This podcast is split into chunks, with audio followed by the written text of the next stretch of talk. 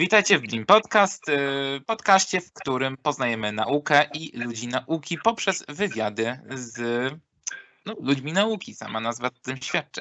E, dzisiaj e, jednak nie porozmawiamy stricte o samej nauce, jednakże porozmawiamy o organizacji. A mam naszymi gośćmi będą magister inżynier Jarosław Olszewski, przewodniczący Krajowej Reprezentacji Doktorantów, absolwent międzywydziałowego studium biotechnologii Szkoły Głównej e, Gospodarstwa Wiejskiego w Warszawie oraz pracownik Centrum Medycyny Translacyjnej SGGW w Warszawie oraz magister Patrycja Uram, absolwentka Uniwersytetu Wrocławskiego, SWPS i aktualnie związana z PAN, członek zarządu KRD oraz przewodnicząca Komisji do Spraw Public Relations. E, witajcie bardzo serdecznie, dziękuję, że zgodziliście się e, na dzisiejsze spotkanie. E, pierwsze pytanie, czym zajmuje się w ogóle KRD, czyli Krajowa Reprezentacja Doktorantów? Poczułem się wy, wywołany do odpowiedzi. Witam serdecznie. E, Krajowa reprezentacja doktorantów, o czym trzeba wspomnieć na początku, jest jedyną ogólnopolską, e, umocowaną w ustawie organizacją reprezentującą całe środowisko e, przed ministerstwem, można powiedzieć, i przed wszystkimi organami legislacyjnymi. W związku z tym do naszych działań należy przede wszystkim dobra znajomość realiów, zbieranie informacji z całego środowiska, jak e, i wymiana informacji w obu kierunkach, czyli ta od e, powiedzmy prawodawców, strony doktorantów, czyli związana z działaniami takimi jak edukacja prawna, jak właśnie informowanie o wszelkich ważnych dziejących się aktualnie działaniach legislacyjnych, E, czy o, o jakichś zmianach w, w prawie. I w drugą stronę jesteśmy głosem całego środowiska. E, to jest działanie nieco szersze, bo tutaj właśnie mówimy nie tylko o y, kwestiach prawnych, ale również mówimy o kwestiach społecznych y, i jakby staramy się tą społeczność animować, aby była w niej lepsza lepszy kontakt i, i aby mm, wiadomo mogła prężniej działać, bo e, tak naprawdę od naszego kontaktu z tymi najniższymi strukturami samorządowymi tak naprawdę zależy to, na ile mamy moc sprawczą i możemy działać dla dobra, dla dobra tej społeczności. A co do tego, jak powstało KRD, no to e, historia sięga już ponad 15 lat. I e, KRD, podobnie jak wszystkie porozumienia doktoranckie, e, było pokłosiem zmiany w ustawie, która właśnie umożliwiała rozwijanie i działanie samorządowości doktoranckiej na, tem, na terenie naszego kraju. Zaczynało się to od tak naprawdę bardzo e, takich, można powiedzieć, nieformalnych organizacji i sieci kontaktów e, poszczególnych osób, poszczególnych doktorantek, doktorantów z całej Polski, E, z czasem nabierając coraz bardziej e, tak jakby formalnego wydźwięku i aspektu, który no, wiązał się z tym, że po prostu nasza, nasza e, wiedza, nasze informacje były, były przydatne, były potrzebne osobom po prostu, które odpowiadają za prawo nauki szkolnictwa wyższego. Jak również nasze działania były po prostu coraz szerzej widoczne i w jakiś sposób wpływały na, na te realia, w których e, prowadzimy tak naprawdę nasze badania naukowe. To myślę, że tytułem wstępu to, to tyle. To ile w sumie funkcjonuje e, KRD? Tak, ile lat mniej więcej? 15. W zeszłym 15. roku. Tak, w zeszłym roku mieliśmy obchodzić 15-lecie istnienia organizacji. Wtedy, wtedy zostało tak jakby uprawomocniony, był pierwszy zjazd został przegłosowany y, statut organizacji, na podstawie którego ona działa. I, i od tego czasu y, tak jakby datuje się, y, datuje się właśnie powstanie Krajowej Prezentacji Doktorantów, jak również stanowiska, można powiedzieć, funkcji rzecznika praw doktoranta, który działa przy naszej organizacji. A Krajowa Reprezentacja Doktorantów jest stowarzyszeniem, fundacją yy, czy jakąś inną firmą? Jak, jak was sklasyfikować? Może, mówię to z punktu widzenia tak trochę zboczenia zawodowego, prawnego, ale z ciekawości po prostu. Mm, jeśli chodzi o formę prawną, to jesteśmy gdzieś pomiędzy e, stowarzyszeniem a związkiem zawodowym. O, Ponieważ jesteśmy e, właśnie e, organiz- organizacją pożytku publicznego, która reprezentuje pewną, e, mm, pewne gremium, e, z tym, że status, dokto, status doktoranta, doktorantki mm, zawodowy, właśnie to nie jest zatrudnienie, w związku z czym no nie jesteśmy e, tak jakby związkiem zawodowym, tylko jesteśmy właśnie organizacją przedstawicielską. aha, na takiej zasadzie. E, W KRS-ie figurujemy jako organizacja inna, natomiast działamy na, na prawach stowarzyszenia. Ciekawie. E, I ta właśnie umowa, e, bo wspomniałeś, że jest e, KRD jest na podstawie ustawy powołana między innymi. To jest jakiś formalny zapis, czy bardziej to jest na zasadzie, że mogą być stowarzyszeni i w związku z tym tworzy się KRD? Tak, jest formalny zapis w aktualnie obowiązujących aktach prawnych. Podobnie jak Parlament Studentów Rzeczy RP, ta Mhm. krajowa reprezentacja jest, jest e, uznanym oficjalnym przez ministerstwo organem, tak jakby reprezentującym e, środowisko, e, w tamtym przypadku studentów, tutaj doktorantów na terenie Rzeczypospolitej Polskiej. Czyli w praktyce, jeżeli są jakieś projekty ustaw czy inicjatywy, to bierzecie w tym aktywny udział. Jak najbardziej, podobnie jak Rada Główna Nauki i Szkolnictwa Wyższego, jak e, Konferencja Rektorów e, Akademickich Szkół Polskich e, i wszystkie inne, to się nazywa organizacje przedstawicielskie, my Mhm. te, te mm, projekty dostaniemy do opiniowania i każdorazowo tutaj nasz zespół prawników przygotowuje takie, takie opinie, które no, w jakiś sposób prezentują punkt widzenia właśnie doktorantek, doktorantów w Polsce na proponowane zmiany w prawie. Ciekawie. E, a jak i kto się może w ogóle dostać do KRD? Każda osoba tak naprawdę, która posiada e, status doktorantki, doktoranta, em, Mhm. może em, brać czynny udział e, w działaniach Krajowej Reprezentacji Doktorantów. Zależnie od e, tego, jak bardzo czynnie chce działać, no to są różne ścieżki, różne drogi. Takim e, przede wszystkim e, większość osób, która pracuje z nami, współpracuje z nami, wywodzi się z samorządów lokalnych i z porozumień lokalnych i branżowych. To jest taka naturalna droga, można powiedzieć, zwiększania, zwiększania tego stopnia odpowiedzialności, stopnia skomplikowania działań organizacji i tak jakby coraz, coraz wyższego szczebla, więc y, samorządowcy, którzy działają w KRD zazwyczaj wywodzą się ze swoich samorządów e, lokalnych. I w momencie, gdy mm, spotykają się z nami przy okazji czy jakiejś konferencji, czy otwartych posiedzeń zarządu, które e,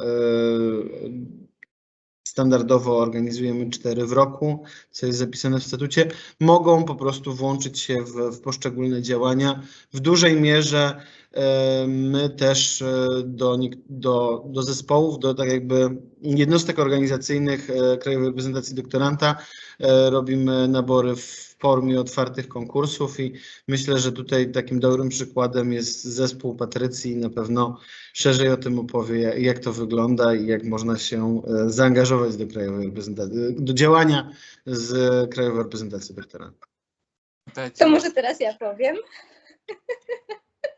To jeżeli chodzi o tutaj te działania, o których wspominał e, Jarek, to jak najbardziej ja reprezentuję i e, tworzę wraz ze swoim zespołem em, Komisję do Spraw Public Relations, tak jak już też Michał powiedziałeś.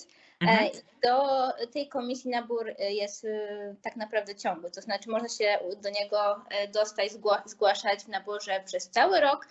Cały czas zapraszamy i cały czas tak naprawdę zgłaszają się kolejne osoby i to jest też bardzo dobre, ponieważ nasza komisja jest jedną z najbardziej tutaj licznych komisji, a to też z tego względu, że działania PR-owe coraz bardziej się rozrastają w naszej organizacji co też e, przekłada się oczywiście na e, różnego rodzaju akcje promocyjne, ale też z kolei generuje oczywiście tak zwane zasoby ludzkie i tej potrzeby, aby one były e, faktycznie jak najszersze.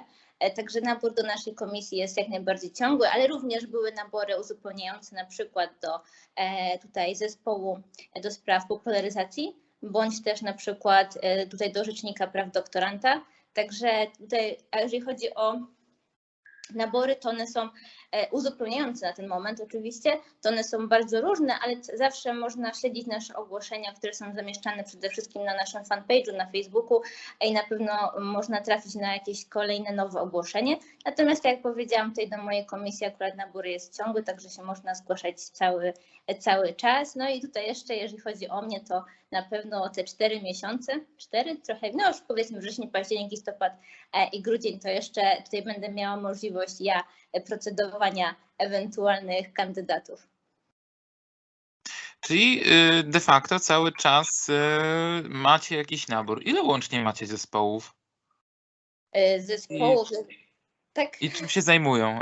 Może tak, bo wiemy, że jest rzecznik praw doktoranta, więc no raczej domyślamy się, jak każdy rzecznik y, do spraw poszczególnych e, się zajmuje. E, Wspomniałaś o zespole popularyzacji y, nauki i y, komisy do spraw public relations.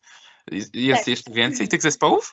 Oczywiście, że jest jeszcze więcej. E, To idąc od po samego początku, e, to w okolicach lutego 2021 roku, jak rozpoczynaliśmy swoją kadencję, ogłosiliśmy tutaj nabory na pełnomocników. E, I pełnomocnika mamy do spraw popularyzacji nauki, do spraw IT, do spraw sportu, to akurat w przypadku sportu i aktywności fizycznej mamy zespół. Mamy też pełnomocnika do spraw współpracy międzynarodowej. Mhm. Czy wszystkich wymieniam, czy jeszcze kogoś o kimś nie wspomniałam, Jarku? E, Do spraw Polskiej Akademii Nauk.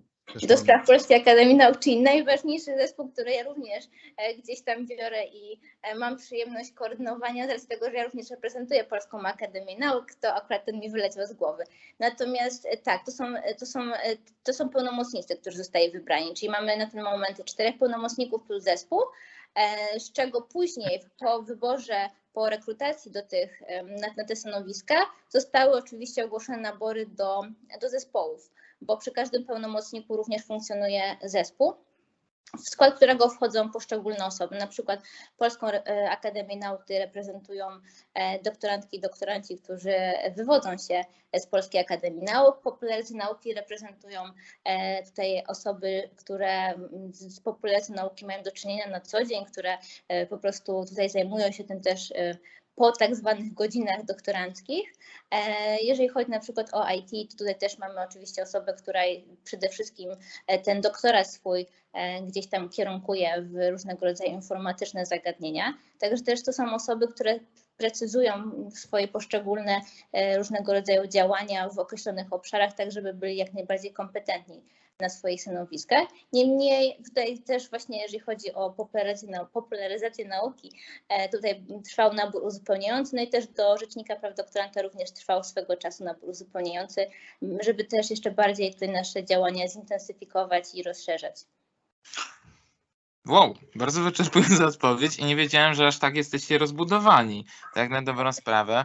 E, to skoro już e, właśnie, kwestia jest taka, że interesuje mnie e, tru, trochę działalność Rzecznika Praw Doktorantów. On powstał, e, a czy on powstał, no w sensie funkcję Rzecznika Praw Doktorantów, bo e, Rzecznik wiadomo, e, dobra, nieważne, nie wchodźmy w to dalej. E, jak powstała funkcja Rzecznika Praw Doktorantów i co w tej chwili, jakie ma cele, co robi? No, to, to jest dosyć ciekawe i na pewno każdego doktoranta, czy potencjalną osobę, która z, będzie, zamierza być doktorantem, to interesuje na swój sposób. To nie chcę teraz ma mówić. Rozumiem, że teraz ja. E, Powiem szczerze, że tak jakby w- podobnie jak same początki Krajowej Reprezentacji Doktorantów, e, to dla nas jako zarządu jest to historia nieco zamierzchła. Dokładnie nie jestem w stanie powiedzieć, kto odpowiada za stworzenie tej funkcji. E, Tutaj akurat umocowania w ustawie nie ma, e, a mm, podobnie jak u studentów, a bardzo byśmy chcieli, żeby, żeby było, bo dużo mm, tak jakby zarówno i PR-owo, jak i mm, można powiedzieć też prawnie, dużo by to tym osobom ułatwiło. E, Do tej pory było, z tego co liczyłem na początku roku, pełniło funkcję pięć albo sześć osób. To jest, staramy się i zawsze dla nas, jako dla organizacji, aby zapewnić taką płynność działania. Jest lepsze, jeśli ten rzecznik praw doktoranta e, nie jest kadencyjny, tylko póki, póki może pełni tę funkcję, bo wtedy raz, jest ciągłość spraw.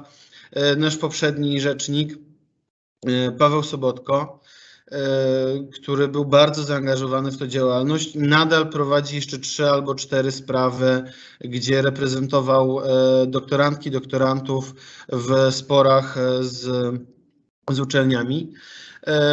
Natomiast no, on też jakby chciał kończyć tutaj swoją dysertację i, i zmienić nieco charakter pracy na uczelni, więc nie mógł się podjąć tego dalej. Niemniej jednak właśnie te, te sprawy nadal trwają, w związku z czym to, jakby y, jest y, długofalowa e, współpraca.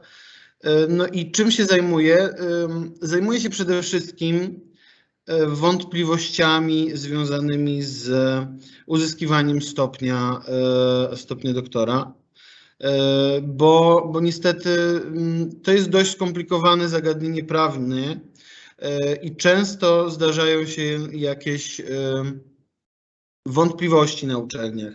Nie zawsze administracja tak jakby jest świadoma wszystkich zawiłości związanych z, z, z tymi kwestiami, tym bardziej w ostatnim okresie, w czasie tych przepisów przejściowych, kiedy tak naprawdę jesteśmy w dwóch trybach prawnych, bo już mamy e, doktorantki, doktorantów w szkołach doktorskich. Oni jeszcze nie składają przewodu, jeszcze się nie bronią na szczęście, a to zaraz nastąpi. I mamy e, przynajmniej e, w dwóch albo w trzech sytuacjach prawnych doktorantki, doktorantów ze studiów doktorskich, tych z otwartymi przewodami, tych z jeszcze nieotwartymi przewodami, tych z otwartymi przewodami na tych zasadach przejściowych. Więc no tutaj jest naprawdę w tym roku na tym koncentrują się, na tym koncentrują się te zapytania i ta działalność. E, I, i nawet chyba e, dostaliśmy jedną, e, jedną zgodę i, i teraz Wojtek już po pół roku też w jednym sporze prawnym będzie, będzie reprezentował jakiegoś doktoranta, więc jak widać no, są to takie trudne częstokroć do rozwiązania, do rozwiązania sprawy. My tutaj też chcielibyśmy zespół i rzecznika troszkę odciążyć od tych rzeczy takich, e, można powiedzieć, prostszych, czy takich bardziej, bardziej e, pojawiających się z większą częstotliwością i nie wymagających takich opinii prawnych, więc prowadzimy akcje edukacyjne prawne, akcje edukacyjne. Tutaj też rzecznika wspiera nasz, e, nasz zespół prawny, który tak jakby właśnie zajmuje się głównie opiniowaniem jakichś aktów i tego, co do nas przychodzi. Natomiast rzecznik z reguły i standardowo ma się zajmować rozwiązywaniem jakichś konkretnych kazusów, konkretnych problemów, które pojawiły się takim bezpośrednim kontaktem z, z zainteresowanymi, z osobami, których dotknęły jakieś takie wątpliwości prawne na uczelniach. To Myślę, że, że z mojej strony to chyba tyle na ten temat. Może Patrycja jeszcze coś uzupełni. Jeśli mogę, to ja bym dodała dwie rzeczy. Właśnie to, jak powiedział też Jarek, że Rzecznik Praw Doktoranta współpracuje właśnie z Komisją Prawną i to jest jak najbardziej oczywiście oczywista oczywistość. Tutaj przede wszystkim z przewodniczącą Komisji Prawnej Adrianą Kulikowską, jak i też również, e, co jest istotne, to prowadzi bezpłatne konsultacje prawne i one się odbywają dość cyklicznie, e, a mm, tutaj mm, wzięcie udziału w takich konsultacjach jest organizowane na naszym fanpage'u na Facebooku. Można się e, zgłosić, wypełniając formularz zgłoszeniowy. Jeżeli ktoś z doktorantek bądź doktorantów ma jakiś problem prawny, który chciałby przedyskutować, skonsultować z rzecznikiem, to ma tutaj taką bezpłatną możliwość. Okej, a ja wejdę trochę bardziej w szczegóły rzecznika praw doktoranta, jeżeli mogę. Kwestia wygląda mniej więcej tak, że interesuje mnie bardziej, e, jaką pełni głównie pomoc. No wiadomo, e, nie chcemy wchodzić w szczegóły, bo to są prywatne sprawy i nie będziemy aż tak wchodzić i nie będę pytać o te zawiłości prawne, ale ciekawi mnie, czy e, nie wiem, przykładowo e, ta pomoc do Rzecznika Praw Doktorantów skupia się głównie na doradztwie, czy też również reprezentacją przed, nie wiem, komisją dyscyplinarną dyscyplinarną, e, czy pomocą w nawet ostatecznie rozprawach sądowych? Czy raczej skupia się ona bardziej głównie na konsultacji i jakoś tam próby rozwiązania? Przede wszystkim są to konsultacje, ale to może niewystarczająco, że tak powiem jasno to powiedziałem. Właśnie e, Paweł Sobotko, poprzedni rzecznik, Mhm. e, co najmniej 4-5 spraw miał, że reprezentował doktorantki i doktorantów przed sądem. O, To jest, I też nawet wiem, że dwa razy bodajże e, wygrał te sprawy i były zasądzone jakieś grzywny dla, dla uczelni, e, więc no z powodzeniem reprezentował, e, reprezentował doktorantów, doktorantki. Niemniej jednak no, zazwyczaj, najczęściej mm, to jest taka pomoc może bardziej mediująca, w sensie wydawanie jakichś oświadczeń, jakichś interpretacji prawnych. Bardzo często na tym poziomie już wystarczy, wystarczy, jest to wystarczająca pomoc i jakby wystarczające odniesienie, żeby, żeby jakieś problemy zostały na uczelni rozwiązane. Na przykład takim ostatnim przykładem działania rzecznika e, w krótkim czasie wpłynęły dwa, trzy zapytania odnośnie urlopów e, w innej pracy niż, niż na uczelni, e, przysługujących na, na, na ukończenie dysertacji, na pisanie pracy.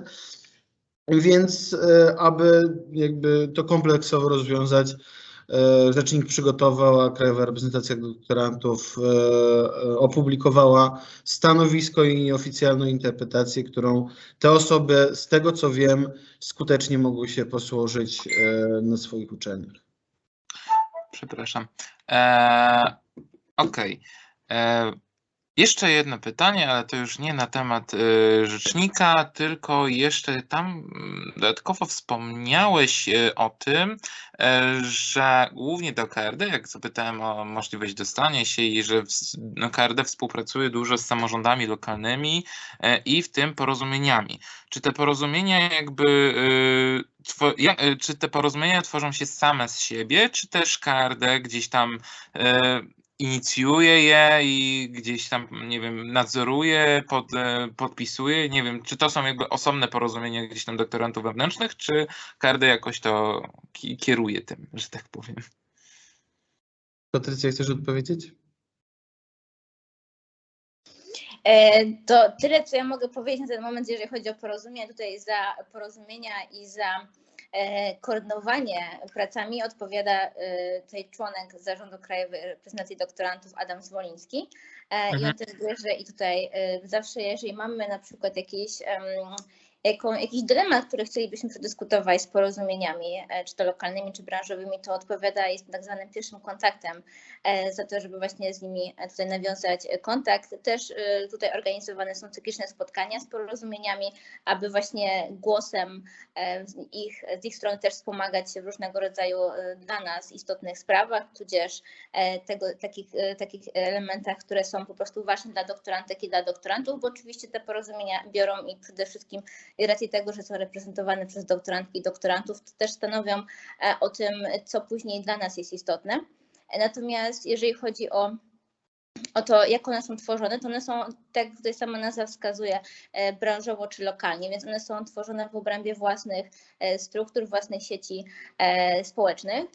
I następnie w ramach własnych różnego rodzaju przepisów, regulacji prawnych są w jakiś sposób strukturalizowane i t- m, gene- zge- zgenerują, generują określone tutaj e, porozumienia, czy to właśnie jak mamy branżowe, czy to jak mamy e, lokalne, bo, bo, bo jeżeli chodzi o te porozumienia, Mhm. to tutaj sporo, także tutaj jeżeli chodzi o nazwy, to najbardziej kompetentny w nich e, prawdopodobnie byłby Adam Zwolniewski, natomiast myślę, że Jarosław również jest bardzo kompetentny z racji tego, że Jarosław wie wszystko.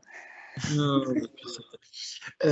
Jeśli chodzi o porozumienia branżowe, to one i lokalne, szczególnie te Mhm. bardziej intensywnie działające, to one za- zachowują swoją odrębność i z tego co wiem i pamiętam, e, to one sobie cenią też swoją odrębność.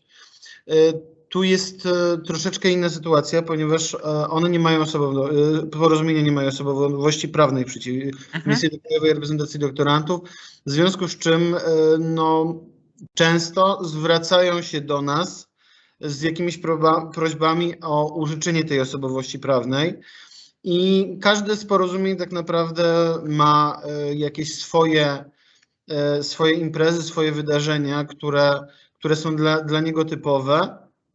i, i w ten sposób działa. Pandemia tutaj pokrzyżowała, ale takim dość ogólnym w przypadku porozumień lokalnych e, działaniem było, było organizowanie balów doktoranta. To były e, imprezy, które miały integrować całą społeczność doktorancką w obrębie jakiegoś, jakie- jakiegoś miasta, ośrodka akademickiego. E, Ja z głowy, że tak powiem, na szybko mogę przytoczyć co najmniej cztery, w których one się, miasta, w których się odbywały. E, Warszawa to był warszawski bal doktoranta, który raz miałem w ogóle przyjemność organizować. E, Był również, e, mi- miał dość długą historię, krakowski bal doktoranta. E, Były co najmniej dwa, trzy w Ro- Sławskie, nie, nie powiem, przepraszam bardzo, nie chciałbym Nie, Nie chciałbym ich tutaj e, tak jakby też nie docenić, ile, ile zrobili wydarzeń. E, I na pewno były bal w Łodzi, co najmniej jeden. Chociaż wiem, że tam był mniej, regularny, ale też tam był zorganizowany bal doktorancki. Oprócz tego to są, to są mm, spotkania e, i takie zjazdy, tutaj głównie e, mm, porozumień branżowych. E, To dwa najsilniejsze, można powiedzieć, takie najbardziej znane porozumienia branżowe właśnie w środowisku doktoranckim to jest, trzy są w zasadzie, bo jeszcze jest DEFUB. E, Czy jest e, DEFUB? To jest Doktoranckie e, Forum Uniwersytetów Polskich. E, To tak naprawdę zrzesza samorządy doktorantów, któ- których uczelnie wchodzą w skład konferencji rektorów akademickich uczelni polskich. Do tego jest PEDUT, czyli porozumienie doktorantów uczelni technicznych. No i tu tak naprawdę e, jednocz, jednoczą się w nim, można powiedzieć, przedstawiciele wszystkich politechnik e, i tych e, typowo technicznych uczelni, no bo to jest, no łączy ich niejako pewnego rodzaju specyfika prowadzenia badań, problematyka, rynek pracy, więc przepływ tych informacji i te wspólne, wspólne akcje są tutaj bardziej, e, bardziej klarowne. No i jeszcze mamy z takich prężnie działających porozumień branżowych to DEFUB, czyli Doktoranckie Forum Uczelni Medycznych, gdzie e, jest e, duże nastawienie na, na profilaktykę, na edukację i, i właśnie te osoby tam zaangażowane działają w edukowaniu takim prozdrowotnym naszego, naszego środowiska. To myślę, że, że tak mniej więcej te, te najbardziej widoczne, widoczne porozumienia branżowe, porozumienia lokalne, bo oczywiście mamy też humanistów, mamy, e, mamy e, akady, nie, sztuk pięknych, e, artystyczne, a porozumienie artystyczne, tak, uczelni artystycznych się za- zapętliłem na nazwie. Niemniej jednak to są mniej liczne, a przez to też mniej widoczne na zewnątrz porozumienia. Niemniej jednak no, staramy się utrzymywać kontakt ze wszystkimi, aby mieć pełen obraz tego, co się w tym środowisku i w tej społeczności e, doktoranckiej dzieje. Czyli podsumowując, y, Krajowa Rada Doktorantów mm, współpracuje z dość wieloma organizacjami o różnym charakterze. Tak. Y, Jak wy to wszystko ogarniacie, że tak powiem? Jest nas dużo. I chyba w ilości i jakości siło na to wychodzi. No, Eee. zdecydowanie.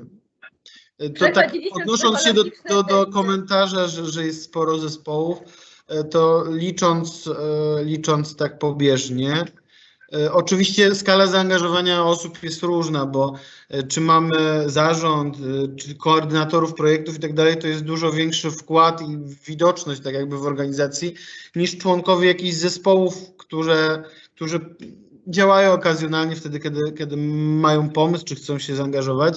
Nim- Niemniej jednak e, około 50 osób aktualnie jest w tych okolicach tego szerokiego zarządu w jakiś sposób zaangażowane, że można powiedzieć, mamy, mamy kontakt mailowy, jakiś bezpośredni i możliwość e, po prostu zwrócenia się o pomoc w konkretnych sprawach do tych osób. Coś jeszcze chciałaś powiedzieć, Patrycja? Tak, ja Eee, chciałam powiedzieć, że po prostu przeszliśmy testy psychologiczne z multitaskingu swego czasu. O! Dlatego ogarniamy. Aha. Na takiej zasadzie. E, dobra, było o, było o mm, porozumieniach, było o organizacjach, z którymi współpracujecie. Dużo z wami współpracuje uczelni, w sensie, bo rozumiem, że poza tymi organizacjami doktoranckimi e, nawiązujecie też e, współpracę z samymi uczelniami. Z uczelniami głównie, głównie A. e, kontaktujemy się przez, za pośrednictwem e, konferencji rektorów, za pośrednictwem KRASP-u. E, Tu muszę przyznać, że kontakt jest bardzo dobry i że nie mamy problemu zarówno jeśli chodzi o jakieś opiniowanie naszych propozycji, jak i rozsyłanie informacji właśnie po, po, po sieci całej uczelnianej.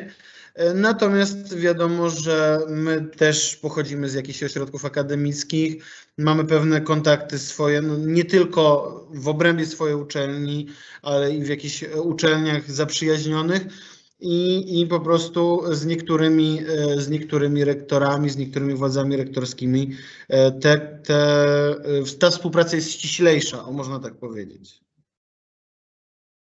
A, Rozumiem, czyli no, kwestia jest taka, że poprzez to, y, poprzez waszą współpracę z e, innymi organizacjami, jak e, no, to, co mówiliście, e, z rektorami, z tym zrzeszeniem rektorów, czy e, innymi, no to dzięki temu możecie jakby to działanie uczelni i środowiska akademickiego jest w jakiś sposób takie jednolite w, tych swojej, w tej swojej polityce i rozwoju, jeżeli mogę tak to ująć.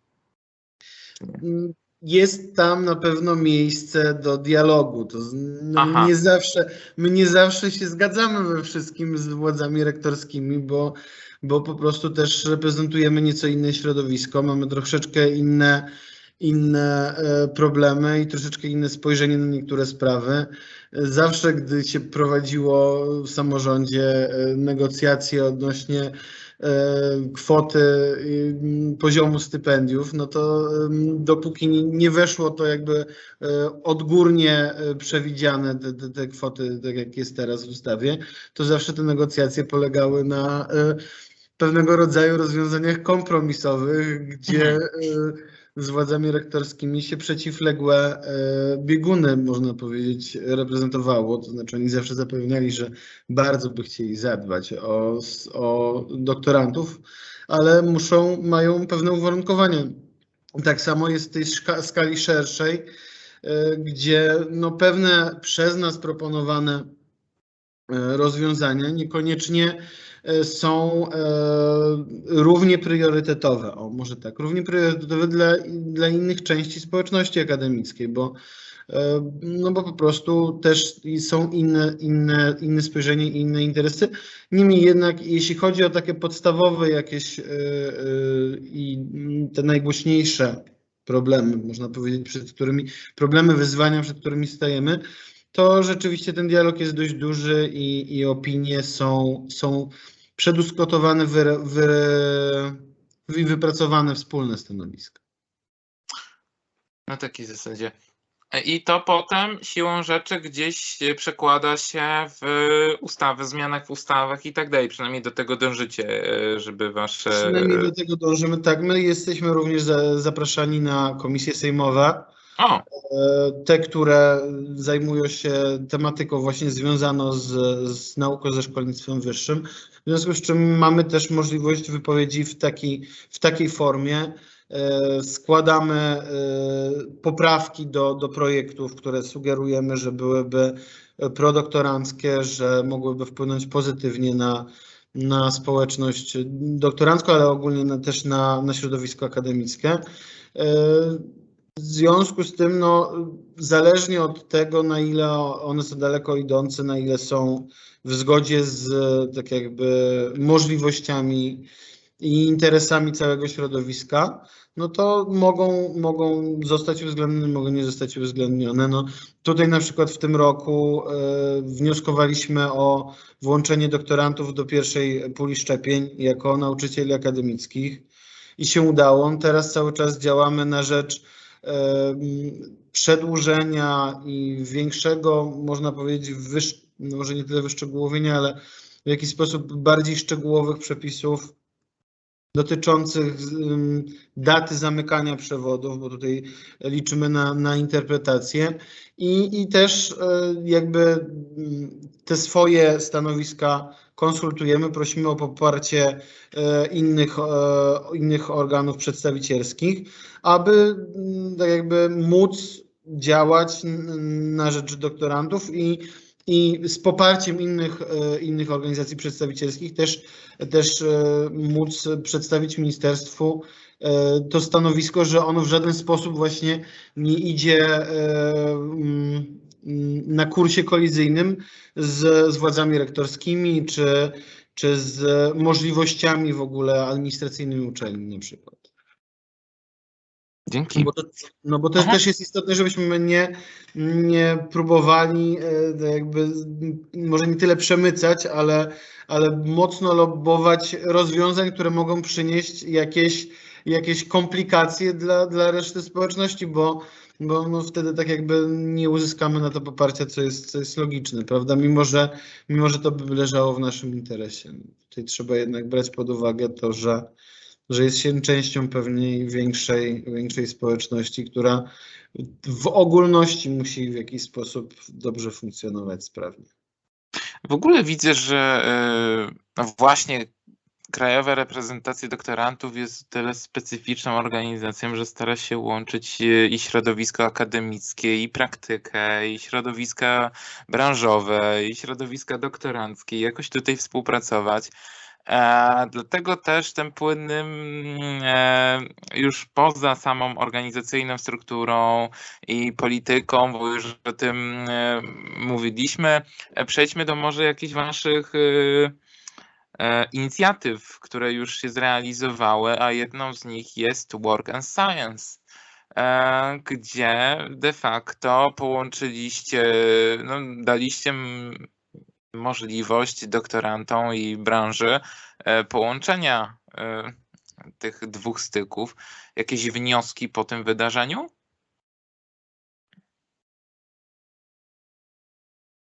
Jako, że to jest dziecko Jarka, to powie, po, oddaję mu głos. Niemniej, jeżeli chodzi o moje wrażenia e, po, po tym wydarzeniu, to na pewno e, to była intensywna praca zespołowa, bardzo dobrego zespołu, który został stworzony od zupełnego zera, ale e, przyciągnął odpowiednie osoby na odpowiednie stanowiska.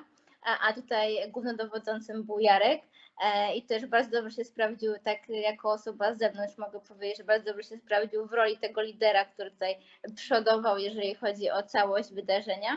E, Niemniej e, to był naprawdę intensywny czas, bardzo ciekawe, bardzo ciekawe wydarzenie, które na pewno pozwoliło doktorantkom i doktorantom na spojrzenie na perspektywę właśnie zarówno doktoratu, jak i również biznesu, e, jak można to ze sobą łączyć, jak można to ze sobą spoić, jak również e, dało możliwość na pewno na to, aby mm, znaleźć jakieś nowe, być może dla siebie ścieżki rozwojowe po doktoracie, albo chociaż pewnego rodzaju zdobyć informacji na ten temat, że takie inne ścieżki niż tylko później praca naukowa, praca czy to w laboratorium, czy to na przykład po prostu za biurkiem e, są i, i faktycznie te możliwości należy tylko po prostu znaleźć i wówczas szukać jakichś swoich takich ulubionych, tudzież e, swoich takich, elem- czy takich ścieżek, które faktycznie będą mogły im gwarantować trochę inny rozwój niż tylko i wyłącznie związany z nauką. Mhm. Myślę, że tą wypowiedź muszę zacząć od tego, dlaczego w ogóle ja się zdecydowałem e, organizować coś takiego, bo mm, poniekąd chcieliśmy i próbowaliśmy stworzyć od podstaw e, kompletnie nową markę. Właśnie e, Work and Science Forum miało być takim, taką wizytówką, pewnego rodzaju symbolem, można powiedzieć, miejscem do, do, do rozmowy o czym się, co jest dość mało widoczne w, w opinii publicznej, e, tego, że w dzisiejszych czasach, e, idąc na doktorat, trzeba mieć na siebie pomysł i to niekoniecznie musi być pomysł stricte związany z tradycyjną e, karierą akademicką. Bo nie dla wszystkich doktorantek, nie dla wszystkich doktorantów będzie miejsce na uczelniach. E, Natomiast abyśmy my te 4 lata czy tam 5 lat wykorzystali dobrze, my musimy wiedzieć, do czego ma to nam się przydać, w jakiej, co może nam ten doktorat ułatwić i gdzie tych umiejętności, które możemy nabyć, będą y, ludzie po prostu potrzebować, tak, abyśmy mogli r- odnaleźć się na tym rynku pracy. Jest kilka tak naprawdę zjawisk, które, które mm, sprowokowały tą imprezę. Y, I powiem szczerze, że odbiór społeczny, gdy prosiliśmy o patronaty honorowe, gdy prosiliśmy o wsparcie, gdy szukaliśmy partnerów, gdy szukaliśmy partnerów, to oczywiście nie wszyscy byli zainteresowani z, z różnych względów czasowych, finansowych, e, głównie czasowych, no bo też e, to było pierwsze wydarzenie, więc, więc większość wystawców mogła wystawiać się bezpłatnie. Chcieliśmy przede wszystkim, skupiliśmy się na tym, żeby jak najszerszą ofertę zagwarantować uczestnikom. E, natomiast społeczny odbiór był bardzo dobry był pod tym względem, że mówimy o problemach, mówimy o wyzwaniach, o trudnościach, o których nikt nie mówi, ale bardzo dużo osób przed nimi staje. Pierwszym taką ważną rzeczą, o której trzeba powiedzieć, to jest to, że e, właśnie doktoranci, którzy dużo robią na doktoracie, e, którzy pracują dodatkowo w grantach, e, są obłożeni pracą, oni są kompletnie niewi- niewidoczni na rynku pracy poza bo oni są zbyt pochłonięci tym. Dodatkowo mają stosunkowo, szczególnie w naukach ścisłych, gdzie po prostu potrzeba osób do wykonywania konkretnych procedur badawczych, bo tutaj też trzeba powiedzieć sobie o tym, że, że jest dużo większe, że tak powiem, potrzeba zasobów ludzkich właśnie w tej dyscyplinie, gdzie robimy e, naukę doświadczalną, bo pomimo największej automatyzacji, najlepszego, najnowszego sprzętu, który skraca analizy, które stara się je za nas wykonywać. E, Niestety są potrzebne osoby, które będą to kontrolowały, będą e, jakby zbierały to mm, w całość i, i te wyniki już gotowe przekazywały osobom, które to będą analizowały. Więc tak jakby podczas doktoratu tak naprawdę z pracą dla osób, które w taki sposób pracują, raczej nie ma problemu. Natomiast one mają ogromny problem z wyjściem z uczelni, gdy chcą z niej zrezygnować, bo ich nigdzie nie ma, bo one nigdy nie składały często CV, bo e, nie szukały pracy na e, LinkedInie, czy na Golden Circle, czy na w tych wszystkich innych e, e, serwisach, które w jakiś sposób nas, e, można powiedzieć, e, na tym rynku pracy u, po, nie poziomują, to może złe słowo, umiejscowiają. I właśnie do tych osób kierowaliśmy jako uczestników e, nasze wydarzenie, plus kierowaliśmy je do e, osób decyzyjnych w firmach, aby mówić o tym, że doktorant jest atrakcyjnym pracownikiem nie tylko dlatego, że ma stopień naukowy, ale też dlatego, że musiał nabyć dużą wysoki poziom samodzielności w wykonywaniu i rozwiązywaniu pewnych problemów. E, Jest to, e, wydaje mi się, że taka wartość nie do przecenienia w, w wielu przypadkach i w wielu branżach. Natomiast ona jest, można powiedzieć, troszeczkę niedoceniana, a może przez nas też troszeczkę e, niewystarczająco prezentowana na tych rozmowach kwalifikacyjnych i w naszych CV, że my po prostu potrafimy być w działaniach samodzielni a mimo że nie możemy się e, pochwalić pracą na, przez te 4 lata na określonych stanowiskach, e, wykonując określone jakieś tam e, zadania. I jeśli chodzi o podsumowanie, bo nie chciałem też za, za bardzo rozciągać tego tematu, bo tutaj stoimy przed dniu nowych projektów i myślę, że warto o tym mówić. E, To pierwszy wniosek jest taki, że na pewno będziemy się starali zrobić drugą edycję w przyszłym roku, że bardzo byśmy chcieli, e, mimo ograniczeń pandemicznych i, i jakiegoś tam też ryzyka organizacyjnego, zrobić e, targi stacjonarnie. Z dwóch względów to by było generowało dużo większe zainteresowanie partnerów. A druga sprawa, że niestety pomimo naszych starań kontakt interna- interaktywny e, jednak stanowi pewną barierę, nie daje takiego, nie daje takiego impaktu i tak nie angażuje, nie angażuje naszych uczestników.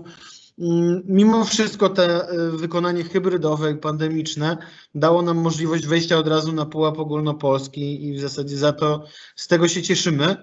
E, I tak jakby też był chrzest ognia właśnie dla nas, jeśli chodzi o, o kwestie realizatorskie, jeśli chodzi o, bo to było duże wyzwanie, mieliśmy kilka, kilkudziesięciu chyba tak naprawdę gości. Oni się łączyli z e, bardzo różnych miejsc.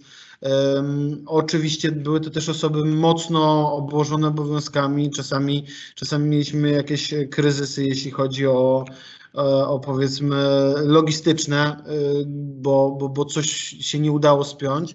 Więc no tutaj naprawdę było to, było to duże wyzwanie. Niemniej jednak bardzo dobra próba przed, przed jakimś takim stacjonarnym wydarzeniem.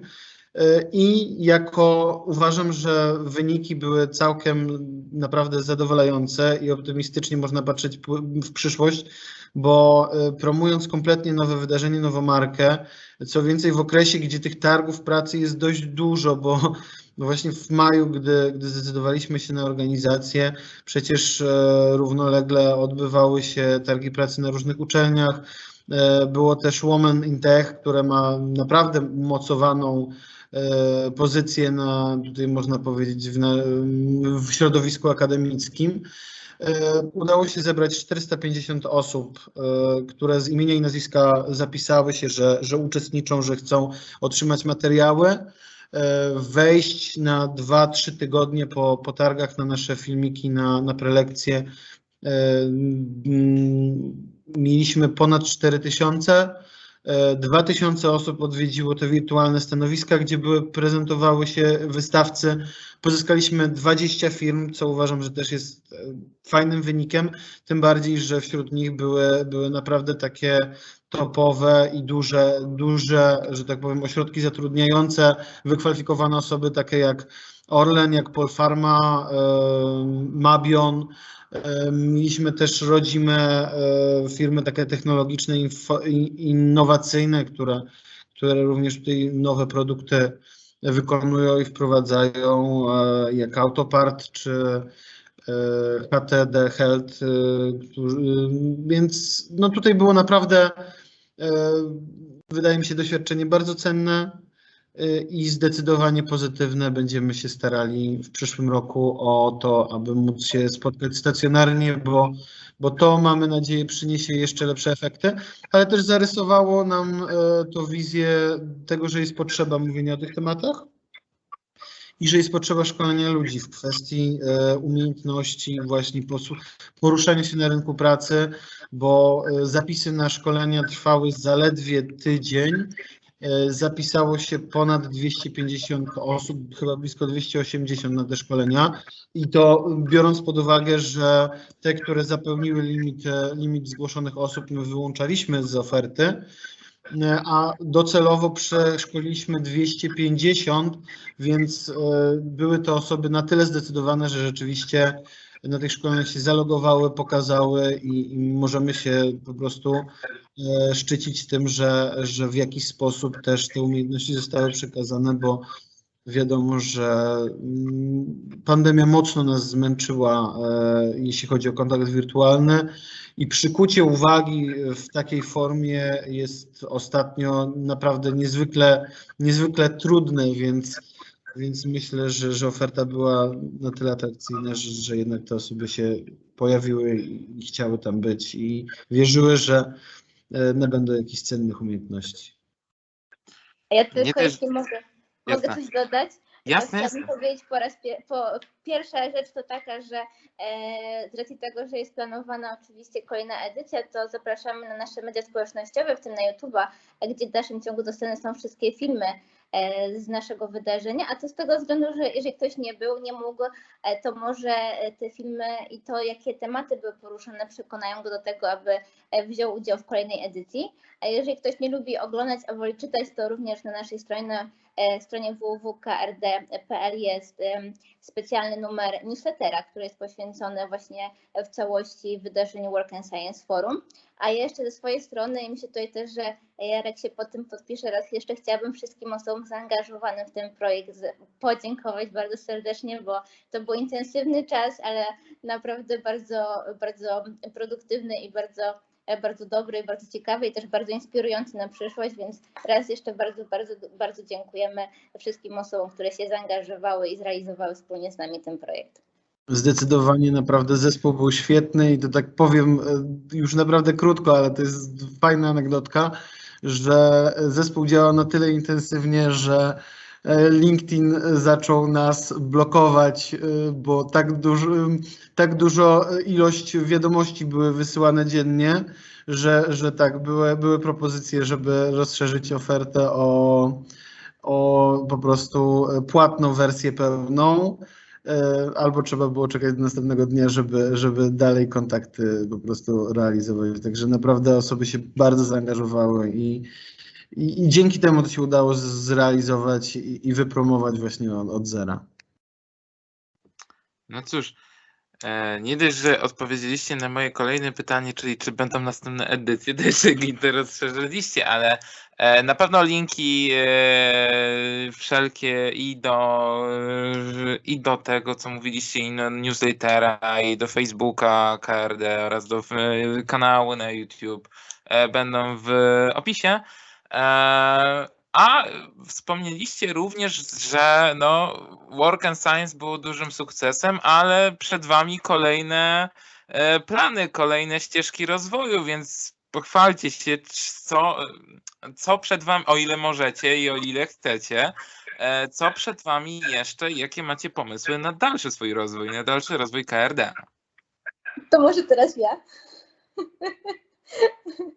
Jeśli tak, to e, na pewno przed nami dwa bardzo duże projekty, które zostały dofinansowane z Ministerstwa Edukacji i Nauki. E, Pierwszy to jest e, PhD Mental Health, drugi to jest lokalny ambasador praw doktoranta. To jest na pewno to, co będziemy realizowali w najbliższym czasie.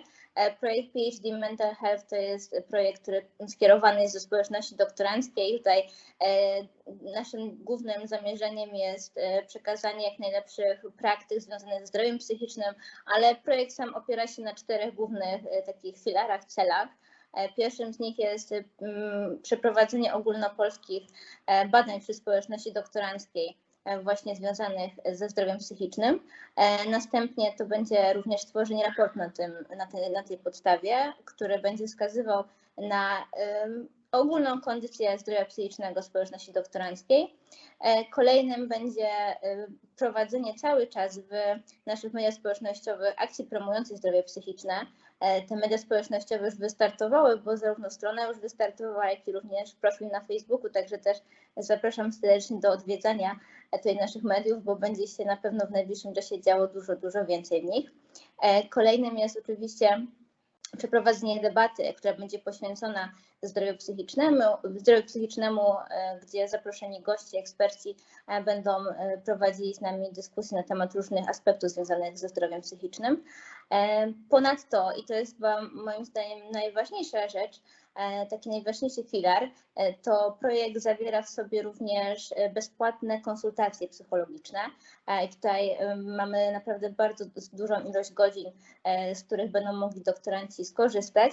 Mm, Tutaj ta poradnia będzie startowała jeszcze, jeszcze nie teraz, ale no już niebawem będzie wszystkie elementy związane e, z tym, żeby ona została uruchomiona, będziemy, e, będziemy tworzyć i na tej podstawie ona będzie oczywiście uruchamiana. Także też zapraszam do, mm, mówię, śledzenia naszych mediów społecznościowych, gdzie oczywiście wszelkie informacje będą na bieżąco podawane. A, a wydaje nam się, że tutaj ten właśnie aspekt związany z poradnią to jest najbardziej istotnym, a to też z tego względu, że nie zawsze doktorantki doktoranci mają takie bezpośrednie możliwości, aby z różnego rodzaju form pomocy psychologicznej skorzystać, wobec czego tego typu chociażby Niestety, ale tutaj możemy tylko zagwarantować im taką poradnię online, ale tak czy inaczej tego typu działania i to ogólnopolskie, bo bezpłatne dla każdej doktorantki, doktoranta e, są jak najbardziej dużym plusem i dużą korzyścią. E, Także to jest, mi się osobiście wydaje, że z całego projektu taki najważniejszy element. Natomiast jeszcze mamy właśnie teraz drugi też projekt, który uzyskał finansowanie, czyli lokalny ambasador praw doktoranta. I myślę, że tutaj e, Jarek będzie bardziej osobą kompetentną do e, powiedzenia i przybliżenia na jego temat kilku słów. E, to tak pokrótce, bo to właśnie odnosi się też do, do początku naszej rozmowy. Pokrótce w kwestii odciążania, można to powiedzieć, rzecznika i jego zespołu sprawami, które powinny, znaczy może nie powinny, ale które mogłyby być rozwiązywane na, na niższym szczeblu skomplikowania prawnego. E, chcemy powołać lokalnych rzeczników praw doktoranta, którzy po prostu w poszczególnych ośrodkach akademickich będą takimi osobami pierwszego kontaktu, które będą mogły skonsultować e, takie najprostsze kwestie i będą mogły edukować nowych doktorantów, nowe doktorantki w kwestiach właśnie prawnych związanych z, z prowadzeniem dysertacji i z całym funkcjonowaniem na uczelni. E, I tutaj mamy tak jakby dwie, dwie może trzy, e, trzy fazy tego, tego projektu. Pierwszą to jest właśnie otwarty konkurs na tych lokalnych ambasadorów. Planujemy powołać na terenie całej Polski 18 lokalnych ambasadorów praw doktoranta. Te osoby będą składały po prostu do nas CV e, i można powiedzieć te, które są najbardziej zaangażowane już w tej chwili, e, które charakteryzują się najlepszym przygotowaniem prawnym i tak jakby największymi umiejętnościami, e, zostaną w sposób stacjonarny w takim zaproszone przez nas na taki intensywny kurs, gdzie będą szkoleniowcy, którzy specjalizują się tak naprawdę już w poszczególnych tematach związanych z prawem nauki i szkolnictwa wyższego i to tutaj rzeczywiście kadra jest naprawdę bardzo wysokojakościowa. E, zwykle to są osoby już, już z tytułami e, doktora, które mają duże doświadczenie w, w kwestiach prawnych, e, właśnie czy zajmowały się w jakiś sposób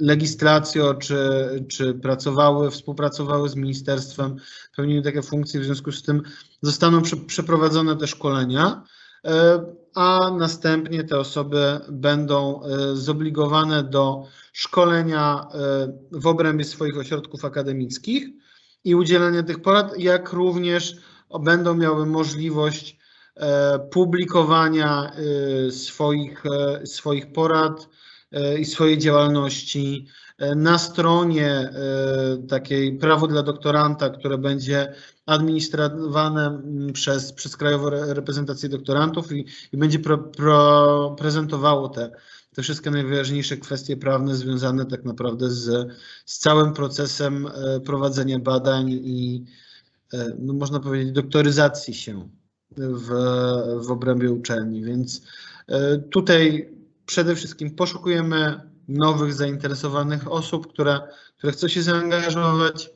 E, dajemy im e, możliwości i narzędzia w postaci fachowej wiedzy, do informowania ich w tych różnych kwestiach, przygotowania do, do pisania jakichś takich właśnie opinii, interpretacji stanowisk, z którymi będą w stanie sobie poradzić. E, i można powiedzieć później e, jakby wysyłamy ich e, do poszczególnych ośrodków akademickich, gdzie będą stanowiły tą bezpośrednią pomoc pierwszego kontaktu już, już przy konkretnych, tak jakby jakichś zagadnieniach osobowych, zagadnieniach prywatnych. Ciekawe inicjatywy, muszę przyznać. Na pewno, e, ale właśnie takie już e, do konkretnych.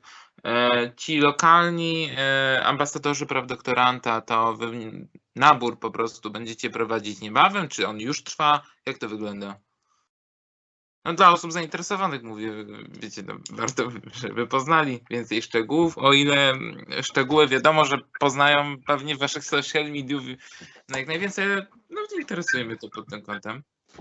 Nabór nie, niebawem będzie uruchamiany, mając kontakt z Rzecznikiem Praw Doktoranta, który też będzie tu koordynował ten projekt, e, to Mhm. przekazał mi informację, że właśnie niebawem nastąpi e, ogólnodostępny nabór dla rzeczników, także e, i on oczywiście, tak jak też wspomniałeś, będzie prowadzony za pośrednictwem naszych mediów społecznościowych, także tutaj każdy, kto tylko będzie w miarę możliwości śledził nasze media, na pewno będzie miał tę sposobność, aby zostać poinformowanym o tym naborze. No, dzisiaj rozmawiałem z Wojtkiem i z tego co wiem, to już się tworzy regu, regulamin naboru. E, tu Patrycja, to Patrycja też wie, bo jej zespół już przygotowuje grafiki, więc e, to jest kwestia tygodnia i, i ruszamy, z, ruszamy z, z naborem. Czyli kwestia jest taka, że wszystko, cokolwiek y, by się nie działo, wszelkie jakieś inicjatywy, mimo że tworzone są odrębne strony, jak mówiliście, prawo dla doktoranta, etc., to wszystko będzie i tak promowane przez główne social media KRD. Okej.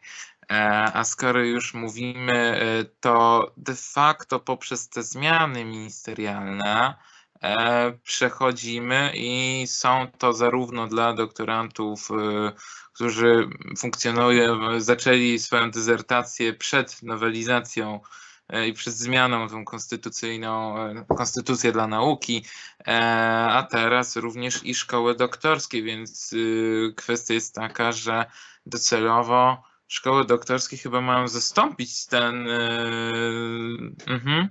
E, I tutaj właśnie pytanie, co Krajowa Rada Doktor, nie Rada, reprezentacja, przepraszam, zawsze tutaj się pomylę. E, Co Krajowa Reprezentacja Doktorantów miałaby do zaproponowania szkołom doktorskim?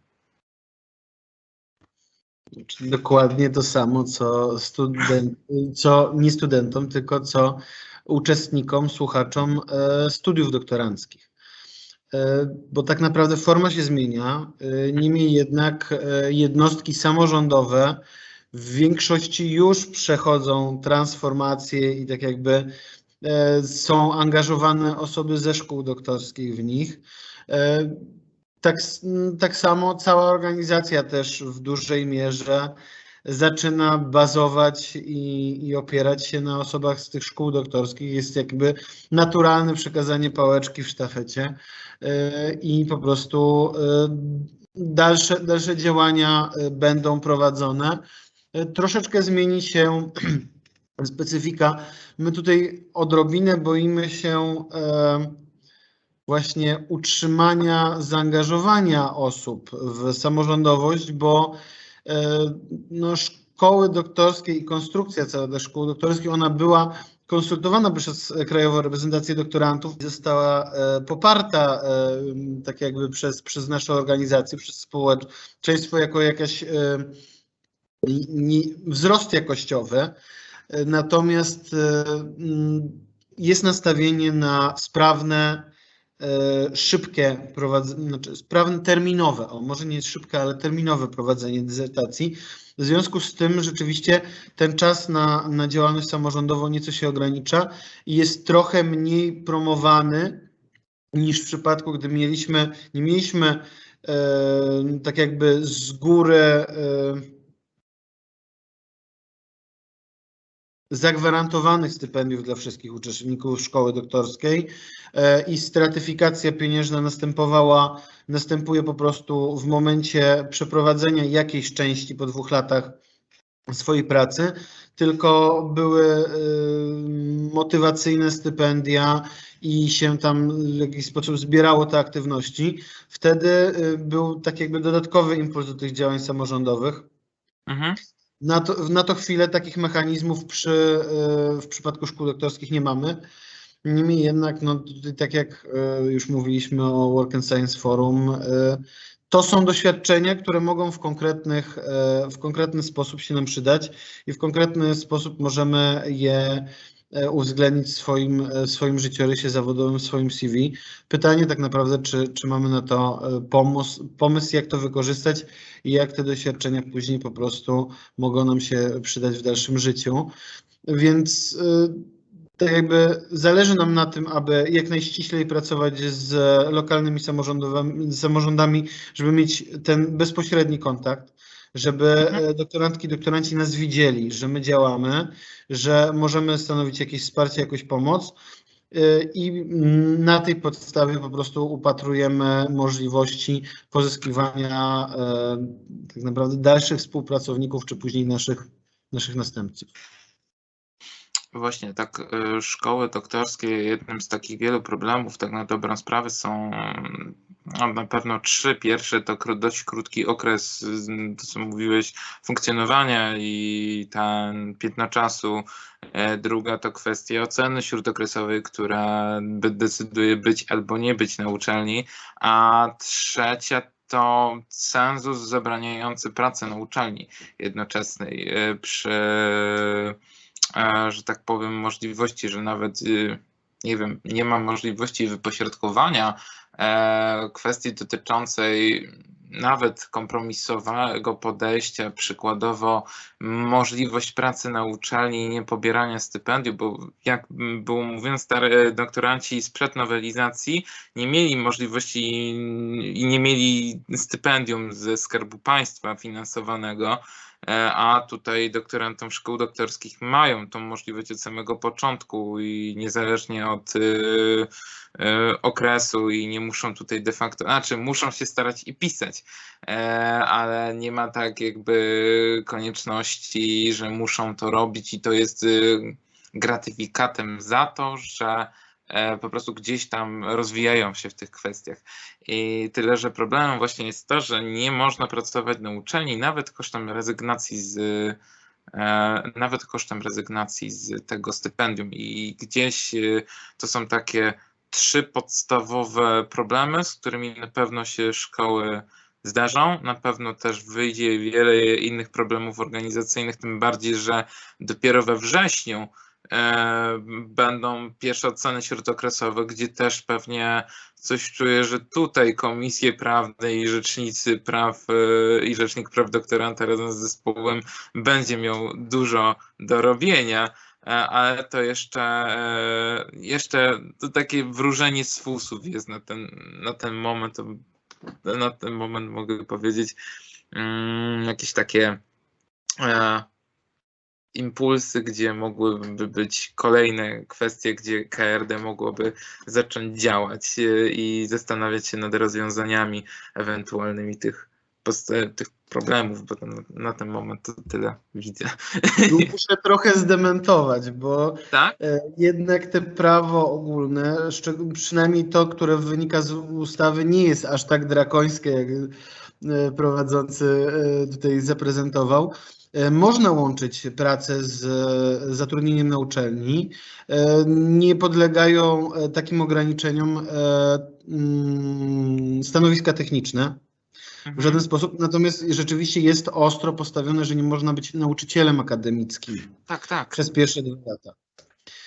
Ale mm, techniczne i naukowe można łączyć, chociaż też nie chcę jakby tutaj być jakby wieszczem i sobie monopolu naprawdę e, mm, e, rezerwować, bo e, dużo, duża rzecz i duża część tych regulacji może wynikać z regulaminu samej szkoły doktorskiej.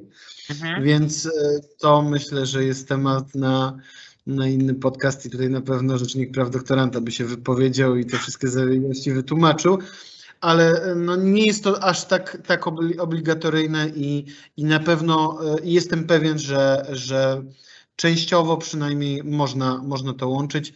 Niemniej jednak rzeczywiście wyjątkiem jest te zatrudnienie jako nauczyciel akademicki, co nomen omen jest dość racjonalny. Ja oczywiście wiem, że właśnie w przypadku dyscyplin takich, gdzie, gdzie praca na uczelni w dużej mierze e, wiąże się z prowadzeniem zajęć dydaktycznych, to, to jest mocno ograniczające.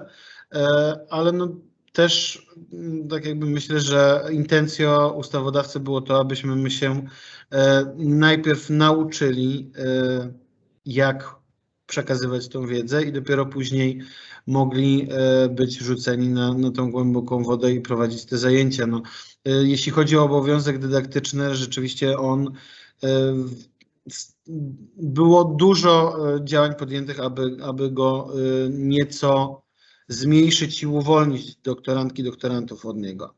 Mhm. Żeby to obciążenie nie było tak duże jak na studiach doktoranckich, bo na studiach doktoranckich rzeczywiście e, trzeba było te godziny odrobić i, i, i częstokroć w wielu jednostkach tego nadużywano. Mhm. Nie, po prostu e, okej. E, Kolejnym punktem e, jest okres pandemii. Wam bardziej przysłużył, czy raczej jak, jak go znieśliście? Okres pandemii. Na pewno inaczej niż gdybyśmy go znieśli w normalnym, takim stacjonarnym trybie, ale Mhm. już po, po, po pół roku doświadczeń, nawet nie pół roku, bo jakby moje osobiste doświadczenie było od e, marca 2000 którego roku teraz, żebym się nie pomyliła, 20. E, Więc od marca 2020 roku ja już miałam tak naprawdę cały czas e, formę zdalną nauczania więc byłam troszeczkę przygotowana na taką pandemiczną wizję rozpoczynania kadencji w KRD e, i ona przebiega w sposób bardzo podobny, czyli większość naszych działań e, prowadzonych jest od samego początku w sposób elektroniczny, tak jak nawet tutaj nasze dzisiejsze spotkanie, ale już chyba do tego zdążyliśmy się przyzwyczaić e, i są oczywiście tego jak najbardziej i plusy i minusy plusem jest tak zwana oszczędność czasu, co w organizacji naszej jest na pewno e, nie do przecenienia, a to też z tego względu, że faktycznie e, ilość różnych em, prowadzonych działań wymaga od nas czasami tego czasu i poświęcania go, więc możliwość zaoszczędzenia go w sposób e, e, taki związany chociażby na przykład z jakimiś spotkaniami e, jest na pewno na dużym plusie. E, Co jeszcze? Więc myślę, że pod tym kątem na pewno e, tutaj KRD dobrze e, zniosło okres pandemii. Mamy też bardzo tutaj dobre możliwości związane z MS Teamsem, także dostęp do, do platformy nie, nielimitowany, w związku z czym e, pod tym kątem jak najbardziej też mamy możliwość po prostu zawsze spotykania się w sposób e, zdalny i prowadzenia różnego rodzaju dyskusji e, za pośrednictwem takich rozwiązań elektronicznych. No, jak powiedziałam, to ma oczywiście swoje na pewno jakieś też złe, jak i również dobre, dobre strony, ale myślę, że KRD całkiem nieźle znosi okres pandemii pod tym właśnie takim kątem czysto elektronicznym i, i komunikacyjnym. To ja powiem tak, że KRD z pewnością lepiej znosi okres pandemii niż ja osobiście. Dla mnie tutaj e, ten okres teraz otwarcia to jest, po- powiedziałbym, że z, e, nowe otwarcie w mojej działalności w KRD od stycznia, e, ponieważ rzeczywiście jest duża łatwość w organizacji spotkań. My naprawdę na początku kadencji odbywaliśmy po kilka spotkań dziennie, praktycznie 4-5 dni w tygodniu i, i to było bardzo prosto zorganizować spotkanie czy z Narodową Agencją Wymiany Akademickiej, czy e, z mm, NCN-em, e, czy właśnie jakieś takie spotkania duże, ogólnopolskie, gdzie przecież nadal utrzymaliśmy zwyczaj, e, że cały zarząd spotyka się e, raz na tydzień e, na takie dwugodzinne spotkanie na, za pośrednictwem Teamsa. E, Co pra, taka prawda, praktyka, na, biorąc pod uwagę, że jesteśmy z całej Polski, e, bez wypracowania tej kultury pracy zdalnej, która nastąpiła w pandemii, nie byłaby możliwa. Więc tak jakby e, kontaktowość jest większa, ale niestety w takich zaplanowanych, e, zaplanowanych spotkaniach zdalnych e, giną całe kuluary. Giną rozmowy poboczne, ginie możliwość nawiązywania dodatkowych kontaktów.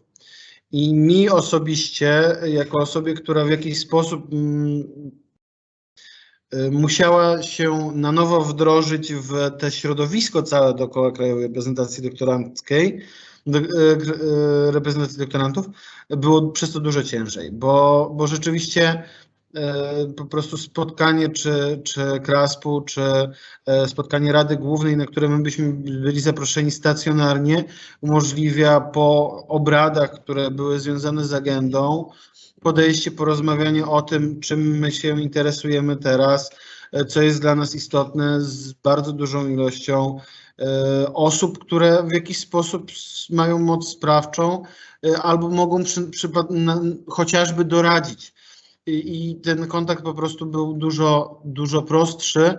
Tak naprawdę przy okazji spotkań w, w formie stacjonarnej, przy okazji spotkań, które mają zupełnie inne, e, tak jakby rzeczy zapisane w agendzie, można e, omówić, e, można znaleźć pomysły na rozwiązanie e, zupełnie innych pobocznych wyzwań i, i mi osobiście tego najbardziej e, poprzez te działanie zdalne brakowało. No to jest na pewno ta wada tego typu właśnie elektronicznej komunikacji, ale też, no i to ja- się pod tym jakby podpisuję w 100%, a to też z tego względu, że jednak e, to nawet przez e, taki prosty przykład konferencji, zupełnie inaczej wyglądają konferencje, które są prowadzone w sposób elektroniczny, kiedy to tylko i wyłącznie tak naprawdę bierzemy i przedstawiamy e, swoją prezentację i, i później wielokrotnie wyłączamy już w ogóle e, się z tej konferencji i mamy, przechodzimy do naszych jakichś innych działań i zadań, które mamy przygotowane, ale zupełnie inaczej wyglądają te konferencje e, stacjonarne, kiedy to zawsze też tutaj się śmieję z takimi moimi e, znajomymi, że zawsze to przecież e, ta tak zwana integracja jest tą najważniejszą częścią, w trakcie której e, albo najlepsze pomysły e, naukowe przychodzą do głowy, albo po prostu też e, nowe znajomości i też nowe osoby do e, współprowadzenia, współtworzenia różnego rodzaju projektów e, nagle się, nagle się znajdują. Także jak najbardziej to jest na pewno istotne, zwłaszcza jeżeli jeszcze chodzi tutaj o, o KRD, to w naszym gronie, w obrębie zarządu było dość proste, żebyśmy się ze sobą komunikowali, bo też mieliśmy po prostu możliwość się poznania, jak i również mm, reprezentujemy te same środowisko, natomiast faktycznie, kiedy wchodzimy do, e, na spotkania online, które reprezentuje środowisko, z którym, z którym my dotychczas nie mieliśmy do czynienia, e, to może być nam trochę trudniej, żeby się na samym początku w nim po prostu odnaleźć i, jak, i, w ogóle też dać się zauważyć i dać się też poznać.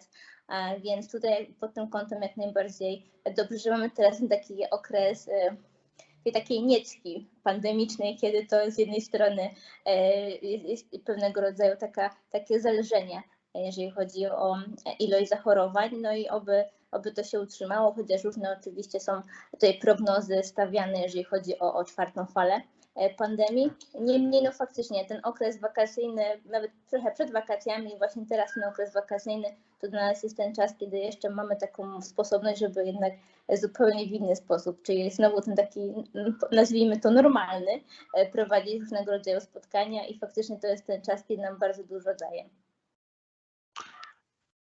I stąd jest między innymi inicjatywa otwartych spotkań, otwartych spotkań zarządu. No, dzięki temu jakby nawiązujecie większe kontakty i mm, możecie omówić, bo przyznam szczerze, że na samych zarząd, inicjatywach otwartych y, posiedzeń zarządu nie uczestniczyłem, jednakże gdzieś zainteresowałem się i plus jest właśnie taki, że można je obejrzeć w internecie. E, e, to jest to dosyć ciekawe, że poza panelami eksperckimi i możliwością dyskusji, e, również po prostu no, mm, te posiedzenie zarządu nie opiera się po prostu, że po prostu zarząd siedzi i rozmawia, tylko faktycznie gdzieś jest możliwość otwarcia na takie interesy doktorantów i zmierzenia się i poznania trochę bardziej zintegrowania tego środowiska. No, generalnie to była dla nas bardzo duża trudność, te, te, te zdalne OPZ-y, bo, bo tam rzeczywiście ym, to jest w ogóle nasz obowiązek y, zapisany w statucie organizacji. Mhm. W jakiś sposób też można w trakcie roku powiedzieć y, kontroli całego zjazdu, całego środowiska nad naszymi działaniami, po prostu informowania ich o tym, co zamierzamy, a z drugiej strony wymiany informacji, y, co dzieje się na uczelniach bezpośrednio i, i spotkania właśnie takiej burzy mózgów. Y, Te zjazdy, które kiedyś były całoweekendowymi wydarzeniami, gdzie był czas na, na, na różne panele, gdzie zapraszało się na przykład szkoleniowców też w obrębie tego i prowadziło się szkolenia stacjonarne. W trakcie pandemii tak naprawdę mm, następowała, e, postęp, postępowało kurczenie się ich, bo w zeszłym, w zeszłym roku zostały zredukowane do takich e, dwudniowych wydarzeń, czyli pół, półtora dniowych można powiedzieć a my po sugestiach i wynikach ankiet i, i jakichś tam e, odpowiedzi e, od doktorantów, właśnie to formę zdalną ograniczaliśmy do, do jednego dnia, aby ich nie obciążać e, w, znaczy uczestniczeniem w kolejnym długotrwałym zdalnym posiedzeniu, bo, bo ono nie przynosi takich efektów niestety jak, jak, jak stacjonarna po prostu wymiana, wymiana zdań i, i po prostu możliwość, możliwość rozmowy. No, to jest ten problem. No niestety, ale jakoś musimy sobie w tej pandemii radzić na siłą rzeczy. Dobrze, moi drodzy, dziękuję Wam za e, wizytę, za niezmiernie ciekawą rozmowę i za przybliżenie, przybliżenie, no dla mnie przybliżenie krajowej reprezentacji doktorantów, dla zapewne opowiedzenia o swojej działalności. E, I to chyba na tyle.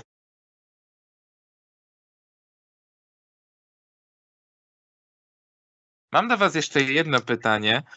E, Jak rozumiecie e, naukę? W sensie, czym ona dla Was jest? To ja może rozpoczynając powiem, że dla mnie nauka jest kobietą. Natomiast idąc dalej, e, to chciałabym też powiedzieć, że rozumiem naukę jako tak naprawdę całościowe dążenie do rozwoju, do, do zdobywania nowej wiedzy, ale też właśnie do rozwoju, do, do kształtowania też przyszłości, do, do różnego rodzaju takich inicjatyw, które będą wychodziły i faktycznie wpływały na codzienność, a przez, przez to, że będą pewnego rodzaju innowacyjne, że będą ciekawe. Ja myślę, że no to jest też tak, że nauka tworzy się dziś, ale ona jest tworzona z myślą o jutrze. Więc to wszystko, co się dzieje tu i teraz, to będzie owocowało w przyszłości różnego rodzaju działaniami, ale nauka też ma na celu i jest, wydaje mi się, takim trochę podejściem z mysł, zamysłem pionierskim, a po to, żeby właśnie wyprzedzając trochę przyszłość, e, brać i, i myśleć o tym, co za kilka lat może być na tyle ciekawe na tyle istotne, że już warto dzisiaj o tym myśleć i właśnie w nauce e, to kształtować i rozwijać. To tyle. Okej.